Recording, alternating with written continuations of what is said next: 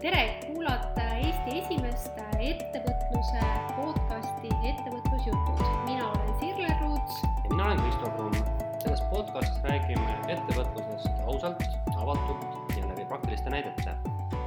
oled oodatud kuulama, kaasa mõtlema ja otse loomulikult ka tegutsema.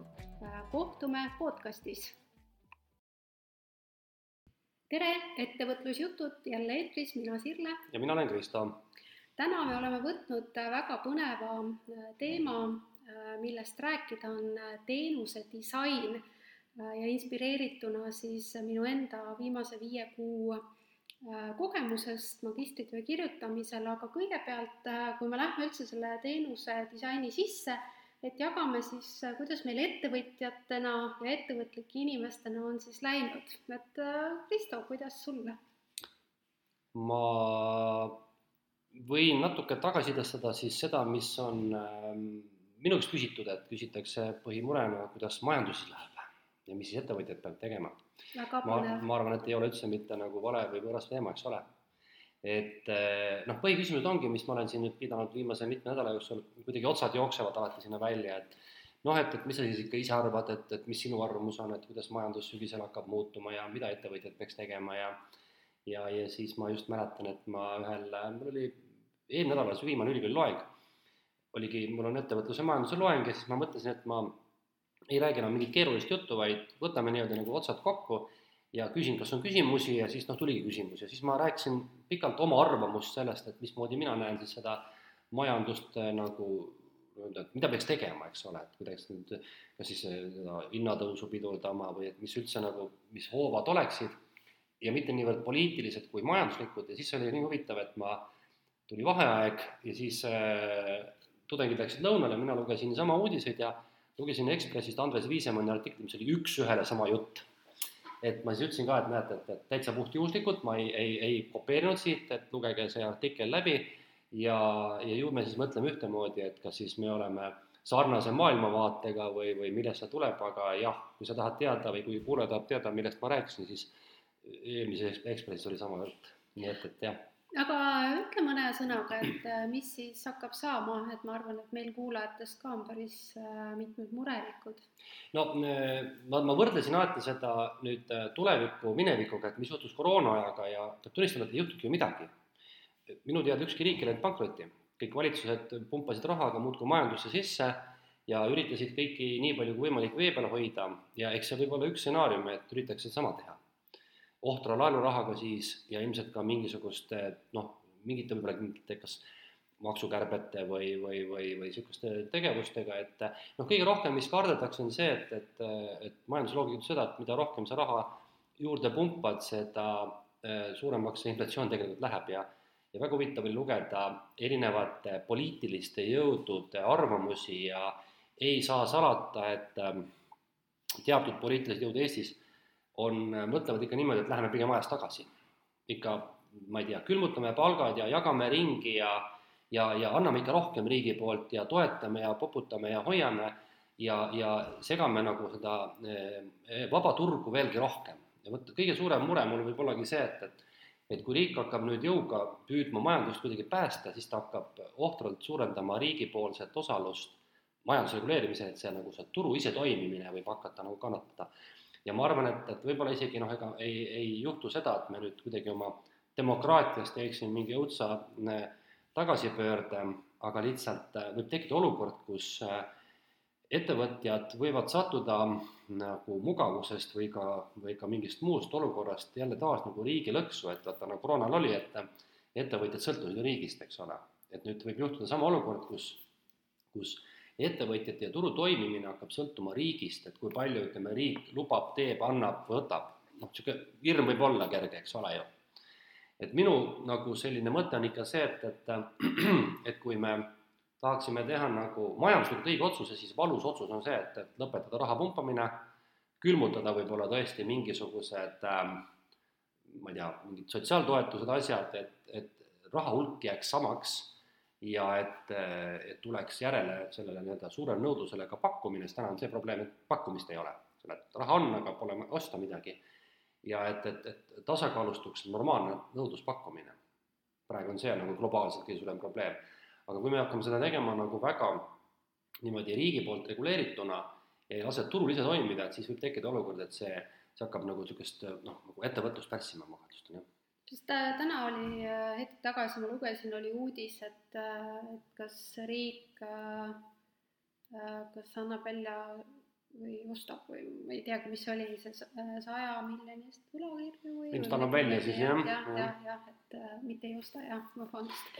et, et selles mõttes, et ikkagi see raha pealetung äh, püsib. ja see on tore, raha on saada, aga see ei ole nagu hea, eks ole, niikuinii on see juba ammu käest läinud. -hmm. aga mis sul juhtunud on vahepeal? no minul äh, muidugi üks hästi tore uudis on muidugi see, et, et magistriõpe on lõpule saanud ja cum laudega. lootsid sa seda?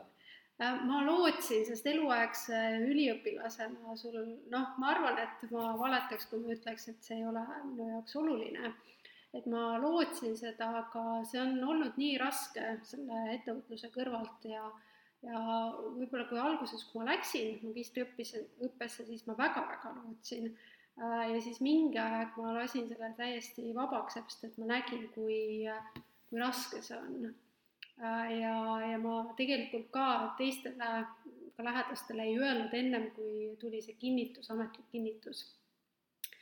et äh, noh, ja, ja siis ma mõtlesin ka, et mul käest on küsitud, et noh, miks see sinu jaoks oluline on või ja siis ja ma arvan, et kui ma vaatan seda magistriõpet niimoodi tagasi, siis äh, no TalTechis on see magistriõpe väga selline ettevõtlikkuse keskne, et me mõlemad ju töötame TalTechis ja, ja noh, nende õpe on selline ettevõtlikkusest ja ettevõtlusest läbi, läbinud või, või imbunud.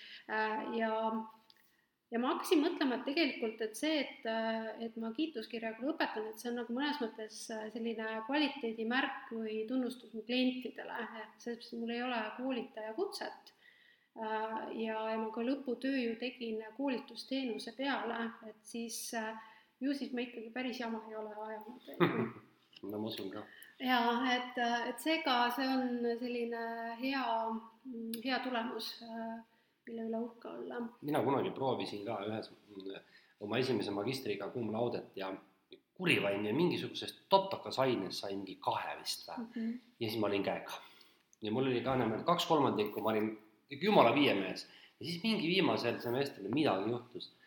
E, ja, ja ma ei olnud nagu isegi rahul selle hindega, ma ei hakanud protestima, aga siis läkski ja ei õnnestunud jah? jaa, mul, mul oli ka ühe ainega oli siin äh, üks välisõppejõud oli, kes hindas mingis oma süsteemis ja ja siis ma mõtlesin ka, et, äh, et mul oli noh, et kas nüüd sellepärast võib-olla ei saa, aga ühesõnaga kõik oli äh, väga hea ja siis noh, nüüd selle magistritöö järgselt või magistriõpingute järgselt, nüüd ma olen nädal aega kohanenud uuesti tööeluga, et äh, on siis tööd olnud? Äh, jaa, kusjuures mul algas uus äh, ettevõtluskoolituse grupp ja ma, mm, siis kui ma tegin magistritööd, siis ma mõtlesin, et ma ei jaksa mitte kunagi enam koolitada. ja see uus grupp, oli täiesti uus hingamine, et, et nii nauditav on teha tööd, kui sa ei ole üle väsinud. ja, ja teiseks Mm, inspireerituna siis äh, oma tööst ka see teenuse disain, ma disainisin ümber natukene oma mentorluse teenust ja nüüd ma alustan ühe uue kliendiga vähemalt kuuekuulist mentorlust, kus kohas me paneme kokku sellise ärimudeli, kliendi küsi-, küsitluse uuringu ja turundusplaani koostamise. Äh, et selles mõttes on see huvitav projekt, et äh, ettevõtja on juba esimesed tulemused saavutanud, aga ta ei kasva, et seega siis me püüame nüüd järgneva kuue kuu jooksul äh, selle kasvuni jõuda. ma olen teinud sellist asja, see on tõesti kihvt mm. -hmm. ma ei teinud kuus kuud, me tegime vist kolm või neli kuud mm. -hmm. ja mul oli täpselt sama olukord, et tuli ettevõtja, tal oli äh, toode olemas, aga tal oli seal ka nagu, et mis edasi. ja siis me võtsimegi nagu tükkideks, äh, tegime kõik ka ärimudeli analüüsime läbi, kõik selle finantspoole analüüsime läbi, et tegelikult see on kihvt, me kahjuks ei jõudnud küll lõpuni erinevatel põhjustel, aga aga selline äh, kus sul on nagu noh, ütleme, kus see nagu tellija nii-öelda annab sulle vaata nagu vabad käed ja, ja sa saad ise nagu katsetada ja sul on ka aega katsetada, siis tegelikult see ongi kihvt nagu jah, see on, see on loomulikult palju ütleme nagu endale ka väljakutsuvam, kui teha lihtsalt ühte mingit piiratud koolitust vaata, eks ole, et seal sa nagu elad ühe inimesega või ühe kliendiga koos.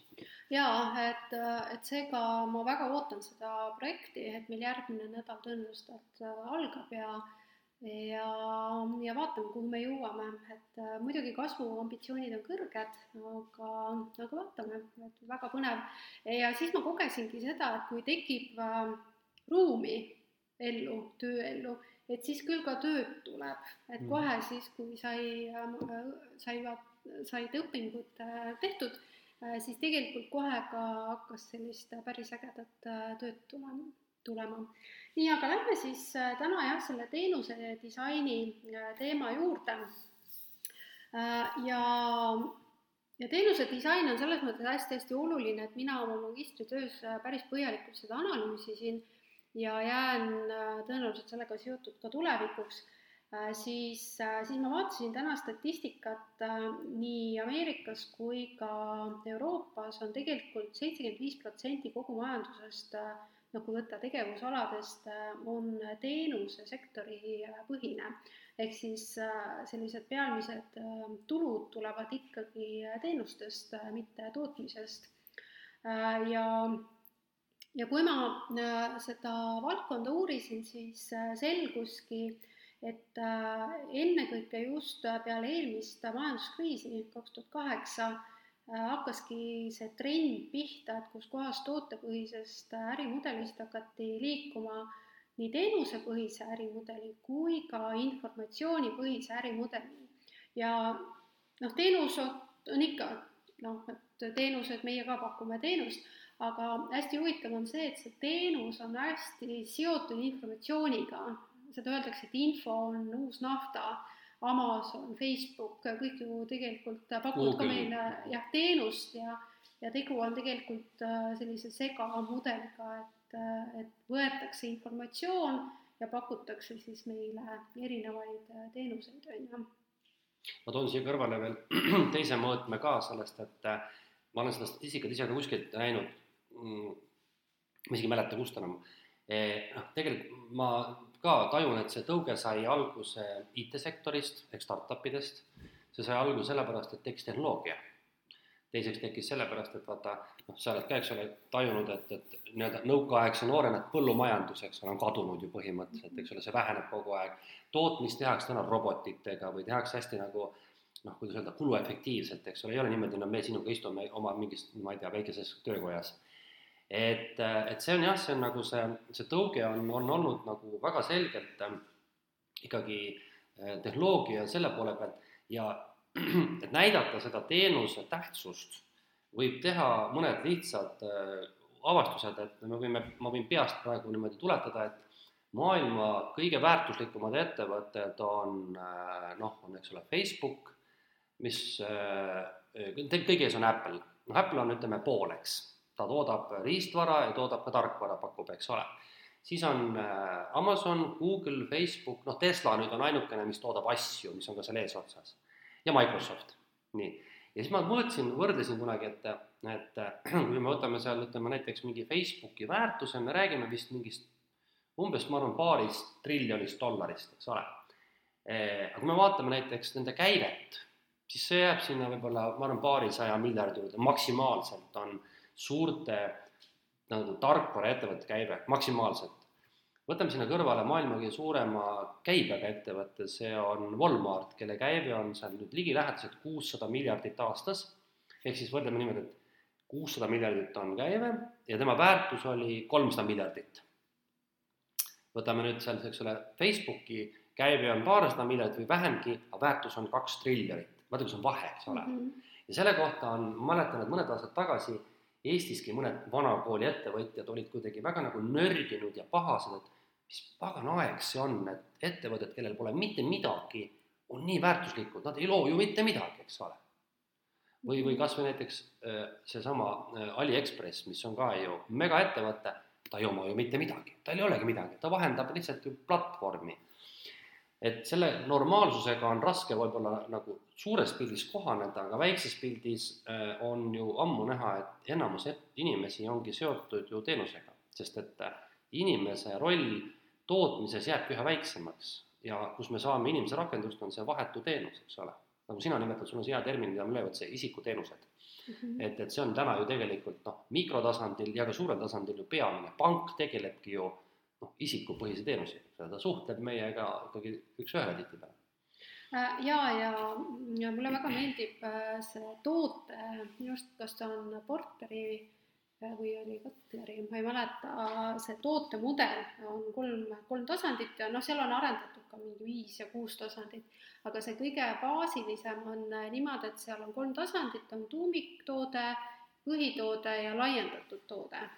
Ja noh, see on ka teenused ja, ja seal on see, et see laiendatud toode alati kui me analüüsime näiteks koolituse ajal äh, neid erinevaid tooteid, võtame näiteks auto, siis äh, autosid on väga palju, Eestis ka ju, autosid on väga palju, aga noh, kuidas nad, äh, auto on auto, et seal on omad tunnused, aga kuidas nad siis eristuvad üksteisest, et siis on see laiendatud toote osa, on see, et sinna on pakutud mingi teenus, noh, kas kindlustus, mingi järelteenindus, noh, ma ei kujuta ette, noh, või siis tuuakse neid tooteomadusi, mis on niisugune nagu sõidu äh, mugavusteenus või seda tuuakse eraldi, on ju, äh, välja, et auto tegelikult ei ole ju lihtsalt toode, ta on transporditeenust pakkuv toode, on ju. ja peale selle veel selle tootega tihtipeale ei teenitagi midagi, eks ole, vaid äh, tulu tuleb sellest kaasnevast, nagu sa ütledki.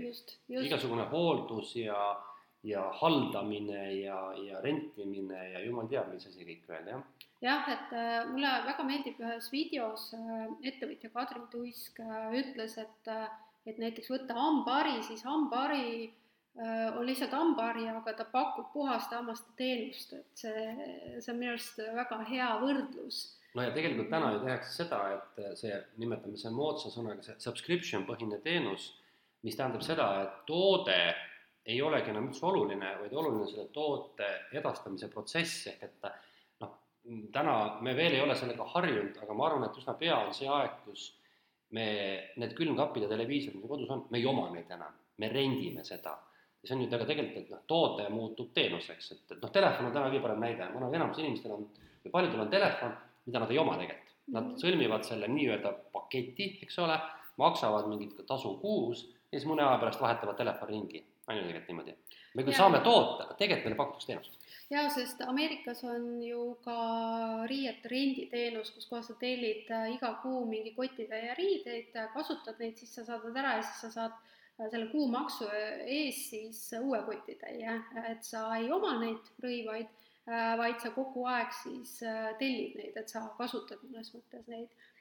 Jah, et, et äh, sest teenuste puhul, kui ma tegin seda magistritööd, siis noh, sealt joonistuski välja see, et, et teenuste kaudu siis äh, noh, miks, miks ettevõtjad peavad mõtlema teenuse keskselt, on esiteks tõsta äh, kliendi väärtust, et ja noh, kliendi väärtuse tõus, see tähendab seda, et klient ostab siis rohkem, on ju, et et kliendi selline elu ja, ja väärtus nagu tõu-, tõuseb, sellepärast et kui ta ostab lihtsalt ühe asja äh,, siis ongi ju kõik see on ühekordne ost jah, mis edasi saab siis. just no,, et aga mis siis edasi saab, on ju äh,. siis teine on see, et äh, läbi teenuste on võimalik kliendi lojaalsust tõsta ja see ongi see, et sa pakud talle äh, siis järjepidevalt äh, neid äh, noh, teenuseid. Äh, ja seostatakse ka teenustega ettevõtte kasumlikkuse tõusu, ehk siis teenused tegelikult on ju madalamate kuludega ja ja seega noh, alati tasub vaadata, et kuidagi, kuidagi oma ärimudelisse siis see teenus sisse põimida, et see no see on ka see trikk, et saab panna ju vaata nagu täiendavat väärtust kliendi jaoks, küsides rohkem raha, aga selle omahind ettevõttele võib olla nulllähedane Mhm. no mina näiteks äh, pakun oma ettevõtluskoolitustel, mida kliendid väga väärtustavad, äh, on see, et, et nad ostavad noh, koolituse, mõnes mõttes, kuna ta on salvestatud, siis ta on nagu toote omadustega. ja, ja seal on siis juures teenus on mentorlus. Ja mentorlus on siis sisuliselt noh, loegi nad, et alati võib mu poole noh, tulla ja küsida.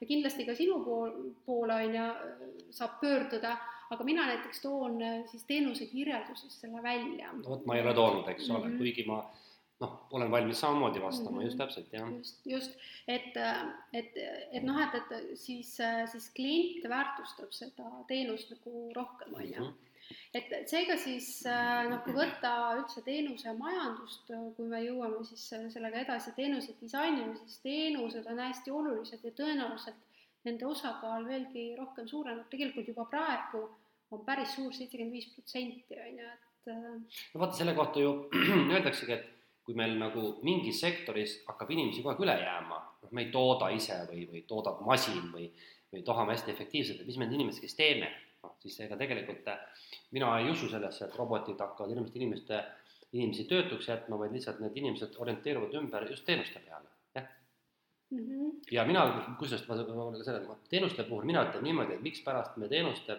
teenuseid ka suurendame, seal on üks põhjus, on kliendi käitumine, et kui sa nüüd mõtled, noh, okei okay,, sina oled meil raske koduomanik, sul veel kulub raha, eks ole, asjade peale, aga ma mõtlen, et noh, mul on tegelikult ju kõik asjad põhimõtteliselt olemas et aga noh, et, et aga noh, et kuidas nagu elu huvitavaks teha, eks ole, et mis, mis, mis nagu, kuhu see raha veel tarbida või, või, või kuhu kulutada, siis tegelikult äh, inimesed täna asju enam ei vajagi vaata nii palju, eks ole.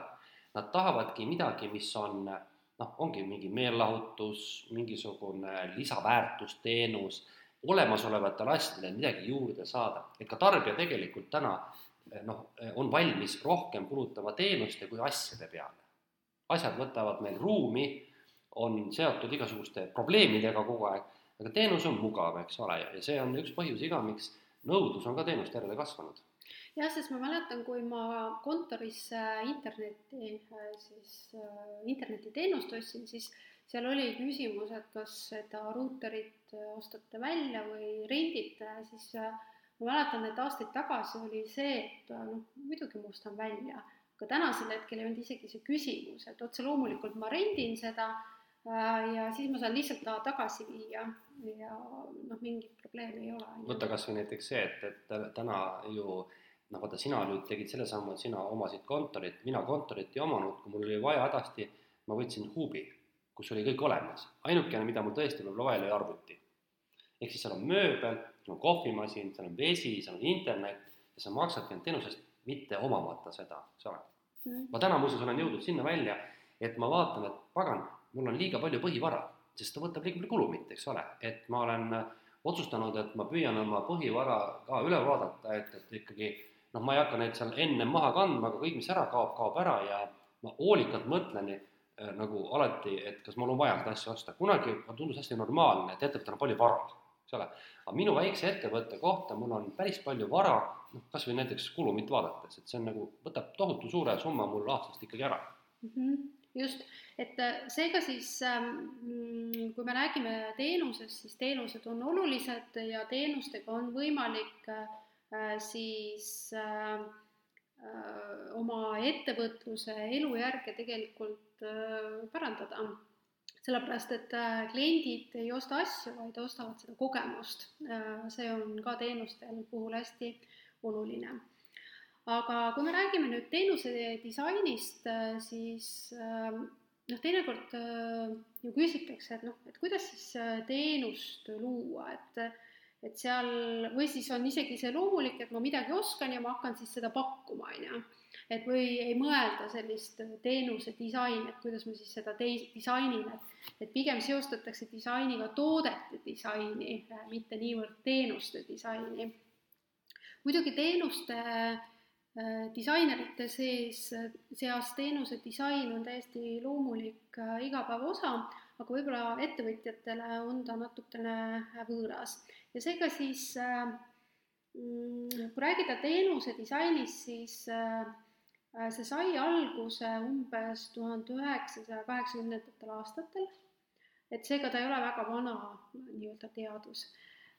ja, ja seal siis öeldakse, et konkreetset inimest ei olegi, kes oleks seda loonud, aga üheks loojaks peetakse linn äh, Šostaki kes siis ütles niimoodi, et teenuseid ei saa omada, kuid saab neid kogeda, luua ja neis osaleda. ehk siis no millest me rääkisime ka, et, et see mõnes mõttes see suhtumine ettevõtluses on muutunud omandipõhiselt rohkem kogemuspõhiseks, on ju. ja noh, näiteks, et kui meie ka mõtleme siin, et, et kas sina oled mõelnud, et kui sa disainid oma teenust näiteks kliendi kogemusele, et mis, mis sinu mina mõtlen niimoodi, ma arvan, ma ei ole originaalne, aga ma sõnastan selle teisiti. E, ja seda on mulle õpetanud nii elu kui lugemi-, lugemus, et äh, on selline üks kuldreegel inimesed ei vaja üldse mitte midagi. Nad vajavad seda hüve, mis nad saavad. meil ei ole, ma olen alati öelnud, et meil ei ole vaja arvutit, meil pole isegi riideid. Meil on vaja kas sooja saada, infot hankida või ilus välja näha. see tähendab, et kui sa oskad mõelda, mida klient tegelikult tahab, siis sa oskad mõelda tema kingades. ja nüüd noh, toome üks näite, vaata, eh, mul on kunagi, eh, mulle meenub Eliahu Koldratti üks raamatutest, enam ei mäleta, milline, tema kasutas oma seda piirangute teooriat seal ja ta kirjeldas ühte probleemi. ma nüüd õrnalt mäletan, sest ma lugesin raamatut väga ammu aega tagasi, aga probleem oli selles, et et pakuti nagu mingit äh, noh, ma, ma võrdlen seda nagu, seal oli mingi toruteenus oli, ma võrdlen seda arvuti või internetiga. et ütleme, et sina, kujuta ette, sina kolid siia kontorisse, sa ütlesid, et sul oli vaja internetti, eks ole. tegelikult sul pole vaja internetti, sul on vaja ühendust, on ju niimoodi. siis on sul vaja arvutit, nüüd ruuterit on vaja, nüüd ütleme, vana kooli järgi oleks see, et sa oleks otsinud endale kuskilt arvuti ostnud, siis oleks selle ruuteri ostnud, siis oleks otsinud firma, kes pakub internetti, aga nüüd, kui mina olen nüüd see teenusepakkuja või see nii-öelda firma, siis mina mõtleks niimoodi, mida Sille tahab? ta tahab saada töövahendit, et oma tööd teha. mina tulen siia, tõstan selle arvuti siia laua peale, ütlen, et näed, siin on sul arvuti, ruuteri ma panin siia, internet on olemas, see maksab sulle noh, näiteks kolmkümmend eurot kuus. eks ole ja sinu mure on lahendatud. sa ei pea omama neid asju, sest sa ei taha neid asju, sul pole neid asju üldse vaja. No võib-olla kui sa tahad eputada, et sul on äge arvuti, noh, ma ei tea, kas sa tahad, eks ole, aga sa mõtled, mina pean mõtlema, suutma mõelda, mida sa tegelikult, mis on su lõppeesmärk. eks ole, see ongi see nii-öelda kliendi nagu ootus või ka see kliendi kogemus, mida ta tegelikult tahab saada. või näiteks, et kui sa mõtled näiteks, et noh, sa lähed näiteks restorani sööma, siis, siis ongi see, et kui sa tahad kõhtu täis süüa, siis sa sööd kodus, on ju. sa tahad saada mingit terviklikku elamust ja kogemust ja, ja sa ei taha saada üksikuid asju, vaid, vaid, vaid mina pean mõtlema sinu kingades. See on see, kuidas mina nagu alustan üldse seda mõtteviisi mm. -hmm. ja paraku, kui ma äh, siin kõrvale mõtlen äh, alustavatele ettevõtjatele, siis see on üks suuremaid ämbreid, mida tehakse. Nemad tahavad müüa toodet, eks ole, jah ja, ja., nad mõtlevad tootekeskselt, jah, nõus ja, ja see on ka üks põhjuseid, miks sageli äriplaanid ei saa rahastust. et me oleme ju mõlemad kogenud seda et kus kohas siis keskendutakse sellele, kui äge toode on, aga ei mõelda üldse sellele, et millist probleemi see kliendi äh, elus äh, lahendab. Äh, mida näiteks soovitada sellistele noh, ettevõtjatele, kes siis praegu tunnevad, et pagan, et ma olengi, mõtlengi, et tootekeskselt? no see on jumala tuttav probleem ja tead, kui raske on seda müüti murda ja ma ma, ma toon niisuguse lihtsa näite, kuidas see õppeprotsess välja näeb, et äh, näiteks ütleme, oletame, et mina nüüd palun oma koolitataval ma annan talle mudeli, ma olen talle õpetanud, noh, ma kasutan seda kuulsat väärtuspakkumise mudelit, see customer job, sa tead küll seda, eks ole mm, -hmm. ja siis ma selgitan kõik täpselt lahti, näitan talle veel näidete järgi ära, ütlen, et palun hakka nüüd selgitama, mida sa hakkad müüma. ja nüüd noh, oletame, et ta hakkab äh,, ütleme, et ta teeb noh, ma ei tea, mingi mingi asja, no ma ei tea, teeme topse, kohvitopse, et nii. siis harilikult üheksakümmend üheksa koma üheksa protsenti hakkab ütlema, tervist, et minu tooteks on see kohvitops, et see kohvitopp peaks tegema niisuguse asja nagu stopp, stopp, stopp, stopp, stopp, stopp, stopp. see toode ei huvita mitte kedagi, alustame sellest, et mida klient soovib, mis on tema probleem. no teistel katsel ta ikka topib selle kohvitopsi mulle sinna sisse, eks ole, ühesõnaga see, see mõtteviis peab olema sellest, mina, kusjuures see on kuldaväärt mõtteviis kaks põhiküsimust. kes on sinu klient ja mida tema tahab saada? Ja kui sa niimoodi oskad mõelda, ma arvan, et siis ta, siis ta hakkab õiges suunas mõtlema. ja see toode on ju lahendus sellele probleemile, eks ole, sina teed ju oma veebikoolitusi selleks, et ähm, sa mõtled, mida see klient tegelikult tahab saada, eks ole. ta ei ole mingi fänn, et ta annab sulle lihtsalt pappi, et kuulan need videod ära ja ongi vahva, eks ole, ta tahab ju midagi teist saada. ja, ja noh, see ongi see minu arvates see, see nagu see võtmeküsimus, aga mul on niisugune tunne, et seda iseseisvalt ei suudeta läbi hammustada. siin on vaja kedagi mentorit kõrvale. Äh, ja enamikel juhtudel äh, noh, mina näen ka, et, et jäädakse hästi tootekeskelt, sellepärast et see annab teatava sellise turvatunde, hm, et mul on, mul on ju asi olemas, et ehitame sinna ümber selle. ja ehitame selle ja. ümber, aga tegelikkuses jah, et, et see kliendi ostuteekond saab alguse äh, sellest probleemist. ja, ja siinkohal me jõuamegi, kui me räägime teenuse disainist äh,, siis teenuse disaini teemal, millest ma mõtlesin täna Äh, võib-olla nagu põhjalikumalt rääkida, et seal on kaks asja. teenuse disainil kõige sellisem levinud mudeliks äh, on siis äh, topeltteemati mudel, et kui me räägime sellest sellisest protsessist ja see, see siis avastati või loodi kaks tuhat neli aasta British Design Council'i poolt. Ja see on kõige levinum mudel üldse, see tähendab seda, et ta on neljas etapis, äh, kus kohas esimeses etapis äh, sa pead avastama probleemi, siis sa pead defineerima probleemi, siis sa pead arendama sinna lahenduse ja seejärel viia kohale, et ta on hästi selline lihtne äh, mudel, mis saab alguse sellest, et ma saan aru tegelikult, mis on kliendi probleem. aga miks ta teemantikujuline on, mis, kas see on mingi lihtsalt niimoodi või? vot äh, ma jään praegu vastuse võlgu, et, äh, et see oli isegi äh, kuskil, kuskil oli kirjas, et ma jään jah vastuse. see võib olla jälle mingi juhus, et umbes, et yeah. mingi, mingi sihuke värk võis olla, et me tegime seda Diamondi nimelises hotellis, et paneme teemati nimeks ja.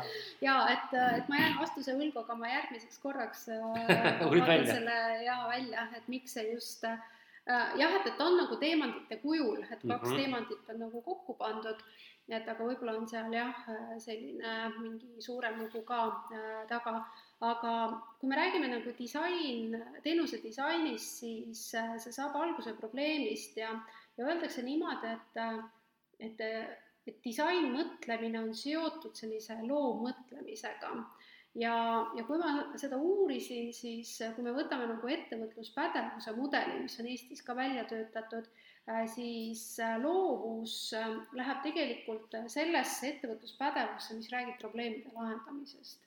ehk siis disain, mõtlemine või teenuse disain on otseselt seotud sellega, et ettevõte lahendab probleeme, mõnes mõttes kliendi probleeme ja ka iseenda probleeme.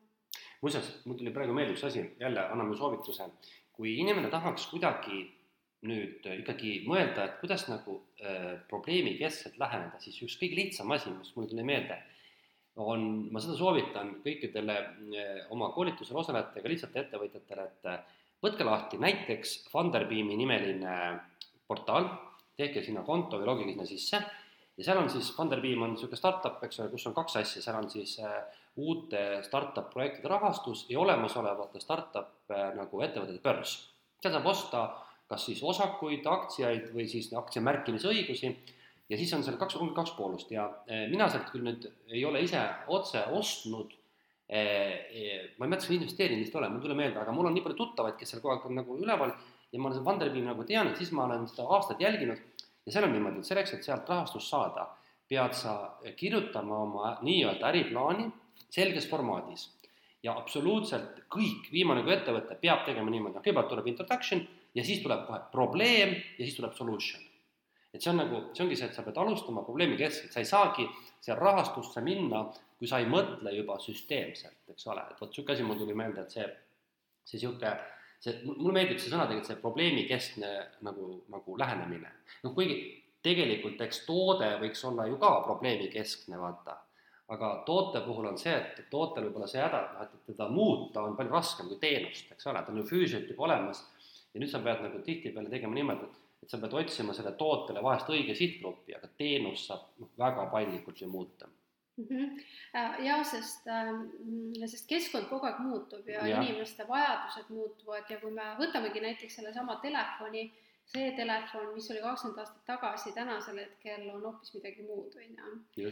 ja sest äh, käisime nädalavahetusel Luige seal vanavaralaadal äh, vaatamas, et mis seal on ja siis seal sa ikkagi imestad, et kui palju on asju inimestel garaažides ja, ja kuidas need on muutunud ja seal olidki need vanad telefonid ja kõik muu pudi-padi Äh, mida noh, tänasel hetkel sellel on sisuliselt ainult nostalgiline on küll jah, sa ei saa temaga teha seda, mis sa tegelikult täna, sa mhm. ootad talt, just. et äh, see probleemi lahendamise funktsioon on seal ära kadunud, ja seda enam, vaata, eks ole, kui tehnika muutub nii kiiresti, siis selle asja omamine võibki olla see olukord, et ta muutub sinu jaoks nii ruttu kasutuks.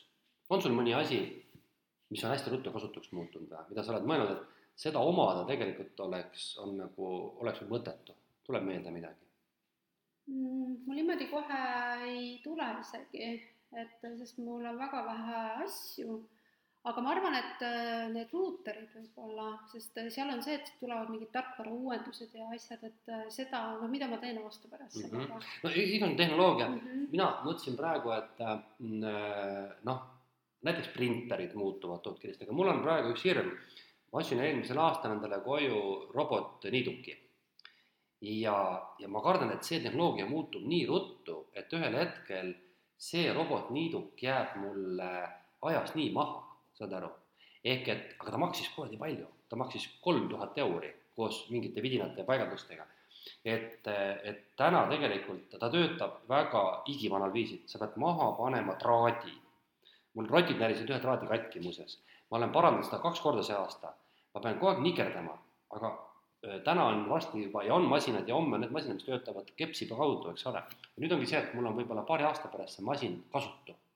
ta töötab, aga ta on tegelikult ajast maas. et minul on üks näide, kallis asi osta, tegelikult pagan nagu pointless mm -hmm., vot jaa, ähm, ehk siis tänapäeval jah, et eriti tehnoloogia asjade puhul tasub tegelikult ikkagi vaadata, et äh, noh, näiteks kui ettevõtjana pakkuda seda äh, et kas mul on mõtet seda väga suurt asja nagu arendada ja hakata seda müüma ja võib-olla ma peaksin hoopis hakkama rentima seda. aga ma küsiks su käest niisuguse asja, et kui me räägime teenusedisainist ja sina oled nüüd, eks ole, seda teoreetiliselt ka läbi töötanud, et kas noh, ilmselt tulevikku sa ei taha avaldada, see on natuke ärisaladus, aga ja, ja võib-olla ärme räägi mudelitest, aga, oskad sa mõelda, et oled sa mõne teenuse mm, oma koolitusäris või ka mujal kuskil disaininud nüüd täpselt nii, nagu me siin räägime, ka lööb sulle ette midagi?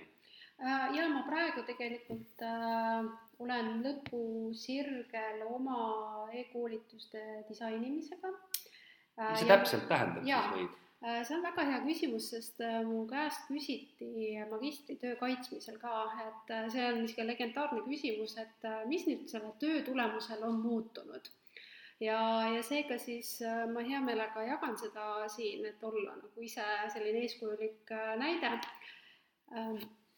Ma olen päris paljud äh, koolituse ideed pannud pausile ja osad, mis mul olid e-koolituste keskkonnas juba peaaegu valmis, ma olen ära kustutanud. sest noh, ma ei taha enda loomingu kohta öelda digipürgi aga need ei olnud äh, loodud lähtuvalt äh, kliendi, äh, kliendist. ja kui ma nüüd tegin, noh, ma tegin magistritöö, ma tegin intervjuud, et me kohe jõuame selle mudelini, siis seal ma ütlen, kus kohas neid on vaja teha, siis ma tegin niimoodi, et ma tegin mm, mõnes mõttes natuke tagurpidi, ma olen ju need e-koolituste, e-koolitused välja töötanud ja siis nüüd ma jõudsin läbi magistritöö selle õige disainiprotsessini. Ja, ja nüüd siis õnneks mul ei olnud magistritöö kirjutamise ajal aega seda oma e-koolituste keskkonda arendada, sellepärast et ma oleks ikka päris suurde ämbrisse astunud. sest kui ma nüüd tegin kliendi intervjuud ja ma tegin ka kliendi uuringu äh, e-koolituste tarbimisharjumuste kohta, siis sealt äh, tuli selgelt välja tegelikult see kliendi profiil. Äh, ma sihtisin hoopis teist klienti oma e-koolituste keskkonnaga, kes tõenäoliselt ei tuleks e-koolitusele. ja, ja teiseks on see, et see turundussõnum oleks olnud ka selline tootekeskne, et tule e-koolitusele, aga tegelikkuses äh, noh, kui me räägime ennastjuhtivast õppest e-koolitustest, siis äh, ennastjuhtiv õppija äh, otsib lahendust probleemile selgelt, et kui on saalikoolitus, siis on elam-, seal on elamusteenus ka, et sa tuled, saad kokku, suhtled inimestega, jood kohvi, sööd küpsist, teed nalja, aga e-koolituste puhul seda ei ole. ja, ja siis ma ütlesin ka kaitsmiskomisjonile, et tänu tegelikult sellele teenuse disaini protsessi tundmaõppimisele ma olen oma teenuste arendamise pannud pausile ja nüüd siis ma loon neid uusi või seda uut kontseptsiooni lähtuvalt sellest, mida ma turult infot sain. sellesama nüüd küsitluse käigus, mis sa tegid oma ja. lõputöö jaoks, jah? jah, noh, ma tegin küsitluse lõputöö väliselt et, et saada veelgi rohkem inimest. okei okay,, sa tegid uuringu samal ajal, aga sa ei kasutanud neid tulemusi lõputöös siis? ja, ja, ja et ma tegin äh, intervjuu, mida ma kasutasin siis lõputöös ja ma tegin kliendi küsitluse, äh, mida ma siis praegu siis analüüsin aga need on väga sarnased, mis intervjuudes ka välja tuli. ma just mõtlen ja kuulan sinu juttu, õigemini kuulan ja mõtlen, eks ole, siis minul on see mm, eripära, et äh, mina teen noh, ilmselt palju rohkem kui sina eh, need nii-öelda saalikoolitusi mm. -hmm. ja teine probleem või eripära, ütleme õigemini, on see, et eh, mul on palju selliseid koolitusi, mis on nagu tellimuspõhised, mis on kliendi noh, nagu tailor-made põhised, eks ole, vaata koolitusäri, tegelikult saalikoolitusäri töötab ju niimoodi, et mul on arvuti täis tükke, klotse. nüüd mm -hmm. ütleme, sina oled minu klient, siis ma uurin, mis su probleem on ja ma tõstan õiged klotsid sinu koolitusse. Mm. ega ma ju tegelikult äh, mitte kunagi peaaegu ei loo mitte midagi uut nullist, sest nii palju on ju tehtud juba, et sa tead, et, et ahah, meeskonnatöö, need klotsid, juhtimine, need klotsid seal, eks ole, ma ei tea, midagi veel, need klotsid. et minu puhul on see, et, et minu puhul see disain nagu kliendi vajadustelt ei saa tulla, sest iga klient on erivajadusega, mõistad mm,?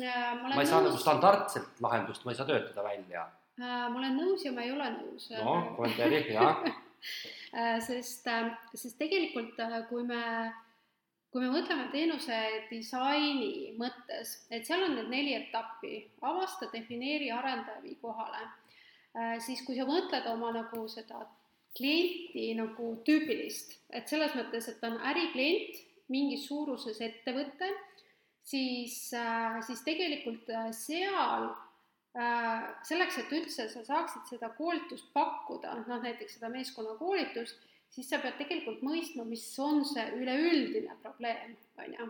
no ma ikkagi ju alati, see on alati esimene küsimus kliendi käest, et mida ta soovib, et mis peaks juhtuma. just no,, just. see esimene, see aastaetapp käib niikuinii läbi. Äh, nüüd, kui ma vaatan seda mudelit, siis tegelikult äh, Äh, see avasta, defineeri on natuke kliendikeskne mm, -hmm. aga edasi tulevad juba olemasolevad tükid. Jaa, ja see on täiesti okei okay,, sellepärast et äh, kui me võtame niimoodi, et äh, teenuse disain toetub sellele, et ma avastan ja defineerin selle probleemi tegelikult kliendist lähtuvalt, on ju, ja ja kui me võtame näiteks sellesama sinu näite, siis erakliendile koolitust pakkuda, ärikliendile koolitust pakkuda on tegelikult erinev. muidugi on erinev, ikka jah. see on, see on täiesti teine kuigi lõpptarbija on ikkagi eraisik, aga see kliendi profiil on erinev. Äh, ja, ja seejärel, kui me võtame arenduse etappi, arenduse etapis ongi juba tükid, sest mina ka ju ei arenda oma veebikeskkonda nullist, ma võtan WordPressi erinevad tükid ja ma pean teadma lihtsalt, äh, kuskohast neid saada, on ju. okei okay,, ma mõtlen seda, et ma saan aru, et tegelikult sinu rõhuasetus praegu, kui sa räägid oma nii-öelda sellest uute teenuste arendusest, jääb ikkagi eelkõige murranguliselt sinna avaste ja defineeri protsessi veel? Äh, noh, selles mõttes küll, et äh, ma olen küll teinud selle prototüübi või ühe koolituse valmis, on ju. Mm, -hmm. et ma olen selle protsessi täielikult läbi teinud, et mul on olemas veebikeskkond ja ma olen selle viinud klientideni. Aga nüüd toimub selline noh, mõnes mõttes on prototüüp, esimese funktsionaalsusega on valmis, aga see, et see toimiks ärimudelina iseseisvalt, siis on vaja teda edasi arendada mm. -hmm. aga võib-olla on praegu, mul on niisugune kaval küsimus sulle, võib-olla on praegu kuulajatel ja kui nad mõtestaksid natukene, tekkinud küsimus, et aga ikkagi, milles erineb tooteprotsess teenuseprotsessist, kas oskad tuua nagu head äh, näited, kuidas nad üksteisest erinevad, mis on teistmoodi?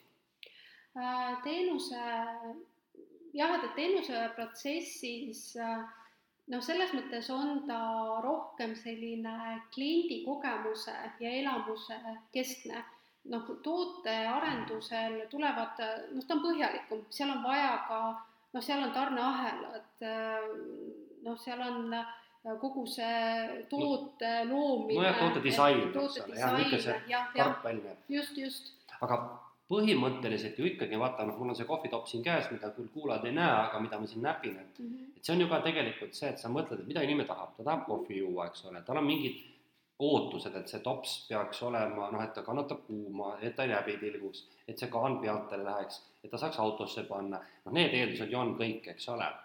jaa, ja tegelikult noh, kui me tuleme tagasi selle mõtte juurde, et iga tootes peitub ka teenus, et siis on võimalik täiesti sedasama topeltteenu-, teemanti mudelit rakendada ka toodete arendamisel mm, -hmm. aga seal on lihtsalt neid Äh, neid tahke on rohkem. okei okay,, et sa tahad, et see sinu nagu vastus kuulajale on see, et toote puhul meil tuleb arvestada juurde selle füüsilise valmimise protsessiga, et teenuse puhul jääb nagu see mure, eks ole, ära äh, no,. see on, see on, see on lihtsam ju tegelikult, eks ole, just. E, ja, ja noh, kindlasti on üks vahe on müümisel, sest et toote puhul saad näidata, näe palun, see on siin olemas, eks ole. Teenust sa, ma olen alati toonud näite, mis on teenuse müümise üks kõige suurem probleem on see, et on olemas teenuseid, mida sa ei saa mitte kunagi katsuda ehk et tarbida, näiteks toome kaks näidet, kindlustus ja turvateenus. kui sa sõlmid kindlustusteenuse, võib juhtuda, et sul ei juhtu mitte midagi. mitte kunagi ei juhtu ja sa maksad, ei saagi kunagi teada, on ju tegelikult niimoodi mm? -hmm. sa ei hakka ju enda autot lihtsalt kord sõitma, vaatama, kuidas kindlustus töötab, eks ole, või pane maja põlema, vaata, mis juhtub. Ja sama on turvateenusega näiteks, noh, need on kaks teenust, millega ma olen kokku puutunud, need on kindlasti VR. et sa tegelikult tarbid teenust ilma, et sa kunagi teada, mis töötab. et noh, see, see ilmselt see raskus, et ta tekib veel ka müümisel, eks ole, sest et teenuse puhul noh, nagu on armastanud öelda Urmas Sõõrumaa, et turvateenus on usalduse teenus. noh, pangateenus öeldakse ka usalduse teenus, eks ole no isikuteenused on ka, kui, kui me räägime sellest persooni brändist näiteks, see on ka ju tegelikult seotud usaldusega. tootega on see, et noh, sa paned kõrvuti näol, üks on niisugune tops ja teine niisugune tops, eks ole, sul tekib füüsiline erinevus juba. mõnele lihtsalt meeldib punane värv rohkem kui kollane värv näiteks, on ju niimoodi. et, et see müümise protsess, aga, aga ma saan aru tegelikult, eks ole, et sinu mõte on see, et teenuse disain on on nagu isegi rohkem kliendikeskne ja teda on, ja see fookus läheb rohkem selle defineerimise peale, kui näiteks toote puhul isegi või, või ei ole see päris õige öelda? ei, ma päris äh, nõus ei ole, et ma arvan, et, et seal mõlemal juhul on vaja see kliendi vajadus äh, väga täpselt ära defineerida.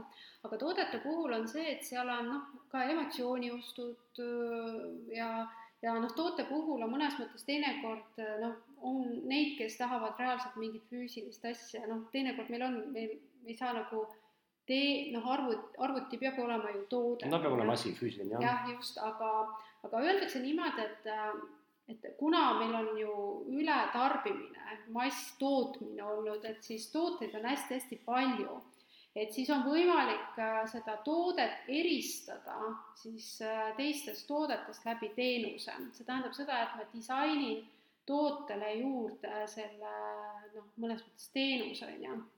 ja seal on, et kui me võtame seda, sellesama äh, kohvitopsi, et siis äh, noh, seal on ka jätkusuutlikkus ja eetilisus ja, ja noh, ma arvan, et võib-olla need, kes äh, ma ei tea, näiteks müüvad topse, et too see tagasi ja ma kuidagi hävitan selle mm -hmm, ise ära mm. -hmm. või siis ma müün sulle topsi ja tule ja, ja siis võta kogu aeg kohvi sellest topsist, et siis et noh, et, et siis toode muutub teenuseks. jah, et toode tegelikult muutub äh, noh, mingi, mingil kujul nagu teenuseks. mul tuli veel hea näide meelde, ma arvan, et see on täna kaasa praegu üks hea, hea nagu kõrvutamisprotsess, et kuidas mõtestada seda teenuse disaini eh, nüüd kliendikeskselt eh, eh, ja rääkides tootest ja selleks on auto.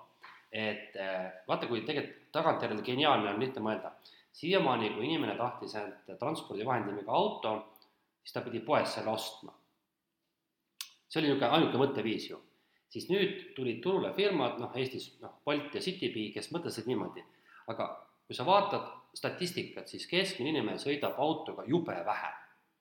kui sa nüüd paned kõrvale kõik kulud, mis ta katab sellega, palju ta sinna raha alla paneb eh, ja palju tal tekib igast muud muresid, siis auto omamine võrreldes selle kasutusajaga on tohutult ebaratsionaalne.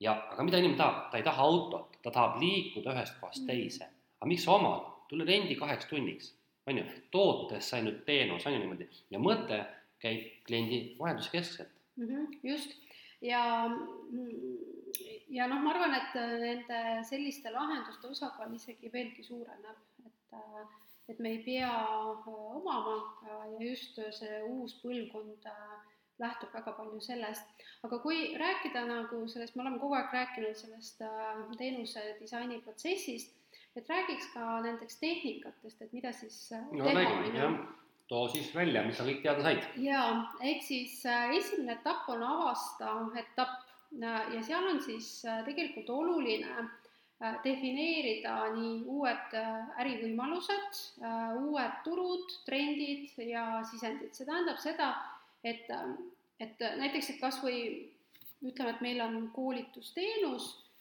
siis et me, et me tegelikult tutvume sellega, mis on trendid, mis on need uued võimalused, noh, mina olen avastanud ja mida ka kliendiuuringud kinnitasid, et on tekkinud täiesti uus segment äh, e-koolituste segment, mida ei olnud paar aastat tagasi. et, äh, et noh, et, et, et see uus trend on tekkinud, on ju, uus, äh, uus vajadus.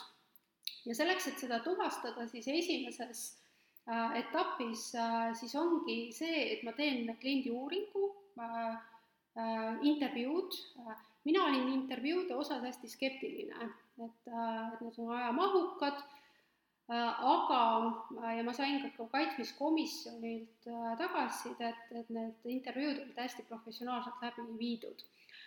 ehk siis need kliendi vajadused tegelikult said ära tuvastatud selle intervjuu käigus. Noh, intervjuude puhul on hästi triki, sellepärast et Äh, sest see intervjuu ei tohi laiali valguda, et äh, see intervjuu läbiviija peab olema suuteline seda noh, haldama, on ju.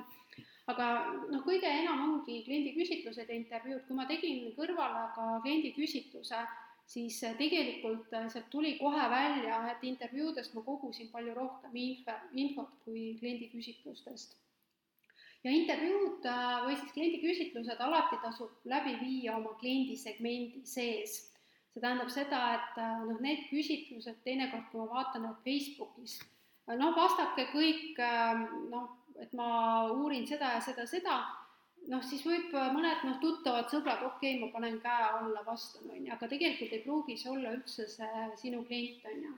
No siis veel, et kuidas siis avastada probleeme, on validagi oma klient, lasta tal kliendipäevikut teha, näiteks et ta kirjeldab siis Äh, ma ei tea, hommikurutiine, et tahad midagi hommikusöögiks pakkuda, valid välja oma kliendi segmendist näiteks viis inimest ja, ja palud siis äh, teha päevikut, äh, milline on nende niisugune kliendi teekond näiteks ma ei tea, hommikul vahemikus kell kaheksa kuni kell kümme. Ja mitte see, et mis on nende probleemid, aga nad lihtsalt kirjeldavad, mida nad teevad ja siis, ja siis sa avastad tegelikult, kui sa paned erinevad need kogemused kokku, siis sa avastad, et äkki seal on mingi probleem, on ju, nendes, nendes kirjeldustes. Äh, sest, sest mitte kunagi ei tasu või ei tohi äh, teenuse disaini puhul kliendilt öelda, kas sul on see probleem, noh, avat- või see kinnine küsimus jah või ei. Et, et pigem äh, peab laskma kliendil kirjeldada ja mina ka intervjuudes lasin klientidel kirjeldada.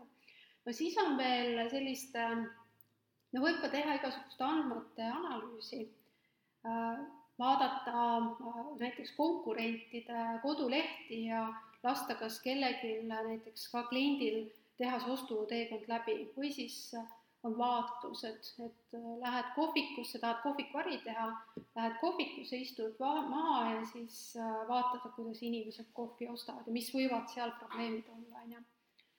on sul lisaks mingeid mõtteid äh,? ma vaatlus oleks ise ka pakkunud muuseas ja, ja noh, igasugune eksperimenteerimine, eksperiment, et kui nüüd kui tegelikult tahta asja veel profimalt teha, siis on olemas hästi palju selliseid eksperimenditehnikaid, vaata igast niisuguseid mm -hmm. maailmakuulsaid selliseid nagu katseid mm, -hmm. kus inimestega tehakse midagi ja siis vaatad, et kuidas nad sellisele olukorda reageerivad. aga tervikuna ma saan aru, eks ole, et see, mis sa noh, tahad öelda, mis sa tahad öelda, on see, et sa põhimõtteliselt ikkagi nagu analüüsid kliendi hetkekäitumist, on ju, ja siis selle baasilt äh, sa saad äh, noh, midagi teada, eks ole, et noh, sa kas siis avastad, et midagi tehakse teistmoodi, aga paljuski ilmselt sa saad ka kinnitust, et kas sinu hüpotees on õige. oletame, et sul on mingi hüpotees, et mul on tunne, et see võiks olla probleem näiteks, et siis läbi sellise nagu ükskõik missuguse katse-eksituse, eksperimendi, vaatluse, küsitluse sa võiksid saada siis kinnituse, mismoodi siis äh, inimesed nagu käituvad, jah, okei okay. mm. -hmm ja, ja siis äh, noh, võimalik, et näiteks, et kui sa lasedki kliendil kirjeldada, siis seal tulevad erinevad probleemid, võib-olla probleeme tuleb mitmeid. Äh, ja siis tuleb tegelikult selles teises etapis, defineerimise etapis noh, tuvastada see kõige suurem probleem, see, mida sa hakkad siis lahendama, on ju. sest ettevõtjana me ei jõua lahendada kõiki probleeme, me peame noh, esiteks valima selle, mis on kõige suurem probleem ja mille eest ka klient on valmis raha maksma ja näiteks äh, kui ma nüüd oma e-koolituste keskkonda arendan, äh, siis äh, nendest noh, avasteetapis tehtud tehnikatest selguski, et on teatud teemad, mille pärast kliendid on valmis raha maksma e-koolitusi, on teatud, millal ei ole. ja noh, ma ei saa nagu pakkuda nagu kõike, et ma pean sealt valima tegelikult selle, mida siis tasub hakata. muuseas, see on, see on, ma mäletan juba jummel kakskümmend aastat tagasi, kui ma tegelesin müügi koolitamisega, ise müügi müüsin, siis oli seesama asi, et et seesama küsimus, mille eest klient on nõus maksma, millest ei ole, see oli juba siis teemaks.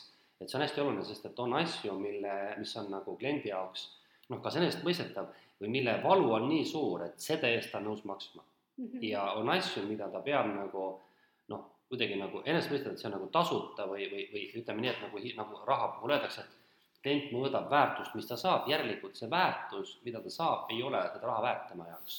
just, ja seega siis selles defineeri etapis ongi oluline, noh näiteks, et kui tuli, tuli sellist väga palju segast infot, et siis tasub võib-olla viia, võtta ikkagi see fookusgrupi intervjuud, on ju, viia need läbi, et näiteks kui esimeses etapis tehti küsitlused äh, ja saadi mingi, ma ei tea, sajalt, viiesajalt inimeselt vastused siis äh, selle probleemi defineerimise etapis äh, peaks viima läbi siis ikkagi intervjuud. või siis näiteks, kui on tiim, siis võtta see info ja teha ajurünnak. noh, võttagi meeskonnaga kokku ja teha ajurünnak, kus kohas siis tu-, tuvastada ära, et et okei okay,, et milline see probleem siis sealt võiks olla, on ju. ja seal siis võib ka teha näiteks, kui on kogutud esimeses etapis päris palju head infot, Äh, siis tasub joonistada välja kliendi teekond. Äh, noh, mina isegi soovitan seda teha siis, kui teha näiteks esimeses etapis juba seda avastamist, et siis äh, joonistada alguses see kliendi teekond ära ja siis hakata sinna neid kokkupuutepunkte panema, et kus kohas näiteks see probleem mida sa mõtled kliendi teekonna all? kirjelda seda ka korraks. jah, võtame näiteks kliendi teekond on see, et noh, näiteks kui meie ostsime mikrofoni et äh, meil tekkis äh, vajadus, et äh, meil on vaja mikrofoni. Ja, ja sellel hetkel isegi ennem seda, et kui me otsustasime hakata tegema podcast'i, meie kliendi teekond hakkas sellest pihta, on ju. ja, ja sealt siis selleks, et seda toodet osta, noh, antud juhul siis toodet, siis me hakkasime otsima informatsiooni, noh, sina rääkisid oma tuttavaga, mina guugeldasin, siis me mõlemad guugeldasime ja siis me jõudsime äh, siis teatud ettevõttesse ja siis meil hakkas nagu selle ostuteekond, ehk siis meil on äh, teekond enne ostu, meil on ostuteekond ja peale siis seda okay, ostu, okei, saan aru, et noh, sisuliselt kliendi teekond on selline, et ma tegin ka ülikoolis ühe kursatöö kliendi teekonnast, et Äh, ja seal siis selguski, et miks enamus ettevõtjad teenuse arendamisel, noh näiteks teenuste või toodete arendamise ebaõnnestuvad, on see, et nad ei ole, nad on hästi valmis nagu viis kopikat selles ostuteekonnas, aga nad ei ole valmis selles äh, eel, eelnevas teekonnas okay see eeluuring käis just, just. Mm -hmm. ja, ja näiteks, kui ma äriplaanide koostamise või ettevõtluskoolituste raames läbi mentorluse aitan siis konkurentide analüüsi teha siis kõik keskenduvad sellele ostuteekonnale, aga tegelikult see, et et vaadata, et, et kas sinu konkurendid on olemas selles ostueelses teekonnas juba, et noh, näiteks sisuturundus, mingid probleemi lahendamise artiklid või siis mingi noh, podcast näiteks, noh, meie podcast on ka tegelikult ostueelse teekonna üks selline noh, teenus või okay. lahendus on ju tänasel hetkel, sest sest noh, et, et selle tulemusel klient võib mingi probleemi tuvastada ja siis, äh, kui ta jõuab sellesse ostuteekonda, hakkab otsima lahendust äh,, siis äh,, siis mõtleb, et aa, et noh, et Kristo ja Sirle on nagu rääkinud päris mm. -hmm. et äkki ta siis otsustab meie kasuks. okei, okei. Äh, seejärel siis on äh, arendamise etapp ja arendamise etapis tegelikult ongi see, et kus luuakse siis juba prototüüp Äh, seal on äh, noh, simulatsioonide loomine, siis äh, seal võib teha niimoodi, et tehakse prototüüp ja siis kliendil lastakse mingi videopäevikut teha, on ju, või siis vaadatakse, näiteks jälgitakse vaatluse käigus, et kuidas ta need asjad läbi teeb. Mm, ja, ja seejärel siis kogutakse selle arendamise etapis, arendamise etapis on hästi oluline siis koguda ka seda kliendi tagasisidet, mida sageli ei tehta. Et ma arendan ise midagi valmis, annan laivi ja siis tegelikult saan teada, et seal on mingid puudused, on ju. ja seejärel luuakse siis äh, äh, lahendus ja lahenduse loomisega, mis minul on näiteks praegu tegemata, on see, et äh, e-kultuse keskkonnas ki-, kindlasti peaks olema näiteks äh, videotutvustus, kuidas seda keskkonda kasutada. Okay.. Äh, noh, mida ma teen nagu esimeses mentorluses, et me vajadusel siis käime selle läbi ja või siis näiteks juhendid et, äh, et kuidas siis, äh, neid isegi mul on, et näiteks, et kui ei saa sisse, et mida siis on vaja mhm. teha, on ju. et jah. ma tahtsin, mul tuli meelde, sa mainisid selle ära, see tagasiside kogumine. ma sinu juttu kuulates mõtlesin kogu aeg pingsalt, et kas mina noh, täidan neid sinu poolt toodud nagu mudeli kriteeriume ja ma mõtlesin hoopis ülikooli õpetamise peale, kus ma noh, sa isegi tead, et iga semestri lõpus, iga aine lõpus üliõpilased annavad tagasisidet. ja peale selle mina kogun tagasisidet ka näiteks vahel niimoodi suuliselt vesteldes, kui on viimased loengud või näiteks veelgi parem koht tagasiside saamiseks on praktika. ma olen olnud aastaid praktika juhendaja ja siis tähendab seda, et tudengid noh, nii-öelda nagu jutumärkides noh, kaitsevad, nad tegelikult esitlevad oma praktikat mulle. ja mul on, meil on alati standardsed küsimused, esiteks, et mida said õpitust kasu oma praktikas ja mis oli see, mis tundus, et jäi puudu või oli üleliigne ja siis ma olengi mõelnud, et mina püüan ikkagi alati seda tagasisidet ehk kriitikat nagu arvesse võtta. ja nüüd eh, noh, üks asi näiteks, mida ma õppejõuna pean teadma, et et üha rohkem tudengeid, eriti bakatasemel, tahavad saada sellist praktilist oskust.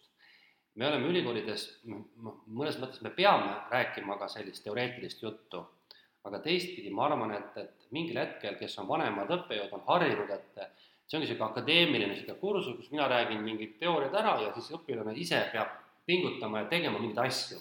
aga tegelikult tudengid tahavad just sellist praktilist simulatsiooni, ehk siis tegelikult ma nüüd mõtlengi, et ma praegu sinu juttu kuulates peaksin nüüd tegema nii ja ma proovin seda sügisel teha muuseas, et ma nüüd lähen nagu oma kursuse algusse tagasi ja mõtestan uuesti, mis on selle kursuse eesmärk. Siis ma mõtestan sealt, et mida see üliõpilane peaks saama sealt, üks on see, et noh, teate, sa mõistad ja oskab ja tunneb, aga kuidas see sisu tegelikult on, et tegelikult noh, näiteks meil on turunduse loeng, et mida see inimene sellest turundusloengust peaks saama. heakene üldalt saab teada, mis on, kes on klient ja, ja, ja mis on turundus, aga näiteks ta võiks saada oskuse just nimelt läbi viia turundusuuringut, eks ole, järelikult siis ma pean lülitama sinna kursusele sisse konkreetse turundusuuringu, no mul on tegelikult täna juba sees, nii järgmine asi, mida ta võiks osata, näiteks ütleme, mingil kujul mingit turundusplaani kokku panna. noh, me ei saa teha mingit tohutu plaani, see lihtsalt ületab kuruse mahu. aga näiteks mingi, ma olen teinud niimoodi, et ongi üks kitsas toodeteenus, nüüd ta teeb läbi selle kliendiuuringu, tuvastab sealt need nii-öelda kliendi käitumise mustri ja nüüd ta rakendab seda turunduse võtmes, et kuidas ta siis nagu selle teadmise baasilt saaks üles ehitada õige sõnumi, õiget kanalit, eks ole, et noh, see 4B mudel on ju niimoodi.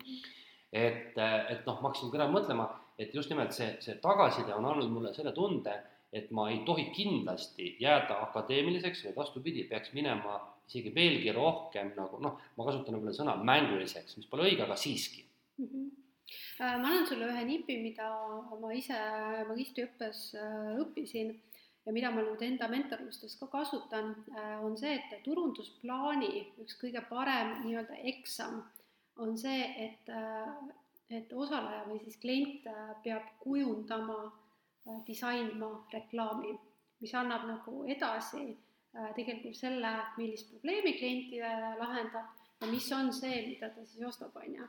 ja mina tegin seda ise siis turunduse õppes läbi ja ma ütlen, nii raske oli seda teha et sest me tahame teha hästi tootekeskselt, osta minu raamat, noh näiteks mina, ja, ja ma isegi noh, tegingi niimoodi, et, et kuidas see, kuidas ma teen selle reklaami niimoodi, et see, et see klient ei osta mitte toodet, aga ta ostab seda mingit probleemi no lahendust, jah, just. Ja ma ütlen ausalt, et teinekord, kui on hästi kiire, täna just panin ühe noh, sotsiaalmeediasse jagasin toote nagu reklaami ja seal ma panin jälle selle toote, et see on nagu kuidagi nii äh, lihtne ja mhm. automaatne, aga tegelikult mida selle toote puhul saab ja, ja see on noh, minu kogemus on küll see, et näiteks teised ka, et kes siis äh, teevad sellist oma turunduse, äh, turunduse plaani või müügiplaani, et kujundage näiteks kas Canvas või,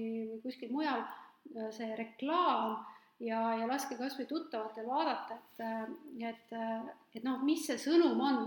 Kui nad ütlevad, et jah, et, et see on toode, siis on see valesti tehtud, sest tegelikult peab see noh, lahendama mingit probleemi. no ma tegin seda sarnast asja Saksamaal inimbrändiga mm, -hmm. kus ma pidin, nad pidid mulle kujundama Facebooki, Instagrami ja mingi kodulehe. Eh, nad ei pidanud kõik kolme, nad pidid kombineerima seal ja see oli täpselt see, et, et nüüd mõtle, et kui sa oled nagu see inimene on näiteks mingi artist või fotograaf, et äh, kuidas ta nagu tundub, eks ole, niimoodi, et mis on see eesmärk üldse, mis ta eesmärk on, kas ta eesmärk on saada kliente, eesmärk on saada tööd, eesmärk on noh, ma ei tea, mida iganes saada, eks ole, siis me tegime täpselt selle asja läbi. noh, ütleme, et see oli nagu esimene algne pool, aga ma kindlasti ei teinud seda niimoodi mõttega, nagu sa praegu ütled, et sellise nagu, nagu probleemi ja lahenduse keskselt, mitte niivõrd tootekeskselt, et, et jah, see on hea nipp ja hea mõte, mida võiks proovida. Ma ise ka rakendan nüüd sügisel, ma lähen TalTechi jälle ettevõtlust õpetama ja, ja, ja ma ise noh, ka viin selle praktikasse. Ja ma soovitan tõesti kuulajatel ka, et, et proovige jah, siis disainida. Ja võib täitsa mulle saata, et, et, et ma kuulutame, kuulutame konkursi kõige ja. paremale teenusdisainile, eks ole, jah. jaa, et aga võttes siis äh, tänase selle äh, teenuse disaini äh, teema äh, kokku.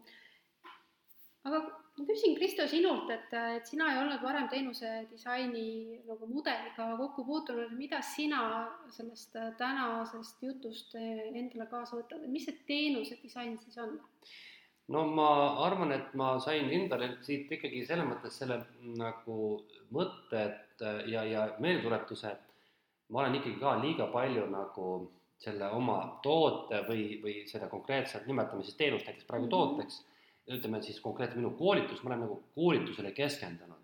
et ma tean, et on selline teema ja siis ma räägin selle jutu ära, aga ma pole tegelikult mõelnud just nimelt sellest, et nagu ma ise olen sõnastanud, mis on see tegelik see kliendi ootus, mida ta tegelikult tahab saada ja sa oled mulle siin rääkinud nii eetriväliselt kui ka eetris palju sellest äh, e-koolituste poolest, et ma olen aru saanud, et sa oled siin nagu jube tõsiselt ette võtnud. et mul on ausalt piinlik, et mina olen niisugune, niisugune luhti, luhtivend olnud siin nagu lasknud üle jala praegu oma koolitustega. et äh, noh, kui ma nüüd tahaksin tubli olla, siis ma ütlen, et ma äh, võiksin sügiseks vähemalt oma mõned ülikooli kursused, mida ma näen, et oleks võimalik disainida, esiteks kõike mul ei ole nagu võib-olla ka vajadus, sest mul on ka selliseid natuke teoreetilisi loenguid, mida ma pean lugema, aga kui on näiteks, mul on turunduse, mul ongi turunduse alused, mis see tulemas on sügisel. TalTechis, mäletagi täpselt, kuidas sõnas oli, et noh, see näiteks oleks üks praegu väljakutse, kus, kus pöörata asi algusse tagasi, mõeldagi, et mis on see tudengite tegelikult nagu soov, noh, me ei saa öelda või probleem, aga noh, natuke ikka, ja sealt disainida see, see, see kursus niimoodi, et see annaks Eh, selle, mida nad tegelikult võiks nagu kasu saada, eks ole mm. -hmm jah, sest äh, tudengite puhul, et noh, võib-olla kui nad, nende peaerialal mida, midagi muud, et siis nad tegelikult ei noh, tõenäoliselt ei lähe ise reklaame võib-olla tegema, aga seal on see, et, et tegelikult teinekord on see teadlikkus äh, ise tarbijana, et ma mõistan, mis on selle reklaami nagu sisu, on ju. Noh, et vot see võiks olla minu niisugune kõige suurem noh, tead-, mitte noh, kas nüüd äh, avastus, aga ütleme niimoodi teadvustamine jah, et, et ma ise ilmselt olen ka liiga palju teenuse või toote keskselt, et ma ei ole seda nagu disaininud, nii nagu sa praegu räägid, nii teadlikult ja ja, ja seda kindlasti peaks muutma. Ja ma olen seda nüüd pisikest tillukese sammudega nüüd endale siin teadvustanud tänu sellele, et me eelmine kord rääkisime, et ma tahan ka natukese mingid tooted-teenused ümber kujundada, noh paistab mm. -hmm. sest mina selle magistritöö käigus ja kui me tegime siin seda persooni brändi äh, siis äh, teemat ka, et ma olen ka hästi selline äh, noh, me mõlemad oleme sellised eluaegsed õppurid ja siis, siis ongi see, et, et me lähme hästi selle noh, nagu tee-, selle noh, tõesti teenus kui teenuse sisu, tehniline sisu on ju, selle tehnilise sisu keskseks ja me kaotame ära selle kliendi äh, vajaduse ja probleemi. vaata, meil, meie puhul räägitakse hästi palju õpetamismetoodikast mm, -hmm. eks ole ju, aga, aga ja ma muidugi usun, et ega see metoodika ei ole ka kuskilt õhust võetud, aga see tähendab seda, et ma olen ise tunnetanud, et ma olen ka kohutavalt palju auru pannud metoodikale võib-olla, selle peale, et ah, parem ja nii edasi, ja unustanud selle juures ikka selle kliendi täpselt ära, jah mm -hmm. jah, et, et, et seega mul on väga hea meel, et sa võtsid kaasa just selle, et see kliendi probleem on hästi oluline, sest kui ma vaatan äh, tõesti ka kliente ettevõtluskoolitustel ja nagu sa ennem ka ütlesid, äh, noh, nõustusid, et et see noh, ettevõtluses ka sageli ikkagi me oleme liiga selle toote või teenuse, tehnilise teenuse mhm. keskselt mm, -hmm. et mitte, mitte niivõrd sellest, et mida klient vajab. Ja teinekord võib olla seal see, et, et klient, me disainime oma teenuse vastavalt sellele, mida me oskame teha või mida konkurent teeb, aga tegelikult me ei märka seda müügivõimalust, millest klient on valmis rohkem maksma, on ju. no see on juba, juba kõrgem pilotaaž, natukene isegi. aga ma tahtsin sulle öelda seda, et tegelikult ka sellest kliendi uuringust, mis ma tegin, tuli välja, et piisavalt on kliente, kes tahavad ka saalikoolitusi, nii et et, et seega, seega ongi, noh, minule lihtsalt tervis ei pea vastu saalikoolituste tegemisele, et mul häälepaelad äh, Äh, hakkavad äh, kriuksuma. et, et seega siis äh, ongi hea, et me mõlemad keskendume oma tugevustele, et sina mm -hmm. oled tugev saalikoolitustel ja mina, minule meeldib süsteeme luua. et äh, mis siis siit kaasa võtta, et ma soovitangi võib-olla üheks selliseks hästi praktiliselt, praktiliseks soovituseks, et Äh, võib-olla guugeldada topeltteemati mudelit ja, ja mudeldada oma teenust sealt läbi, et kas äh, kuulaja on ka siis mõelnud äh, läbi kliendi probleemi, kas tegelikult sa tead, mis on kliendi probleem. ja kliendi probleem ei ole osta mingi asi või osta mingi teenus, vaid noh, sealt võib minna Maslow vajaduste püramiidi või mingi muu, muu vajaduste teooriani et mis see tegelik probleem on, on ju. Mhm. Mhm. aga siis järgmiste kohtumisteni ja head kuulamist ja ja kui ma vaatasin statistikat, et meil on tublisti juba üle tuhande kuulamise täis ja, ja seda alla kümne osa, nii et, et väga, väga suured tänud, et kuulate ja eks me siis arutleme siin edasi. just, ja mm -hmm. loodan ka, et meie meie hoog ja rauge ja kuulajate hoog ja rauge, nii et Just. tänud mm! -hmm, tänud, uute kohtumisteni!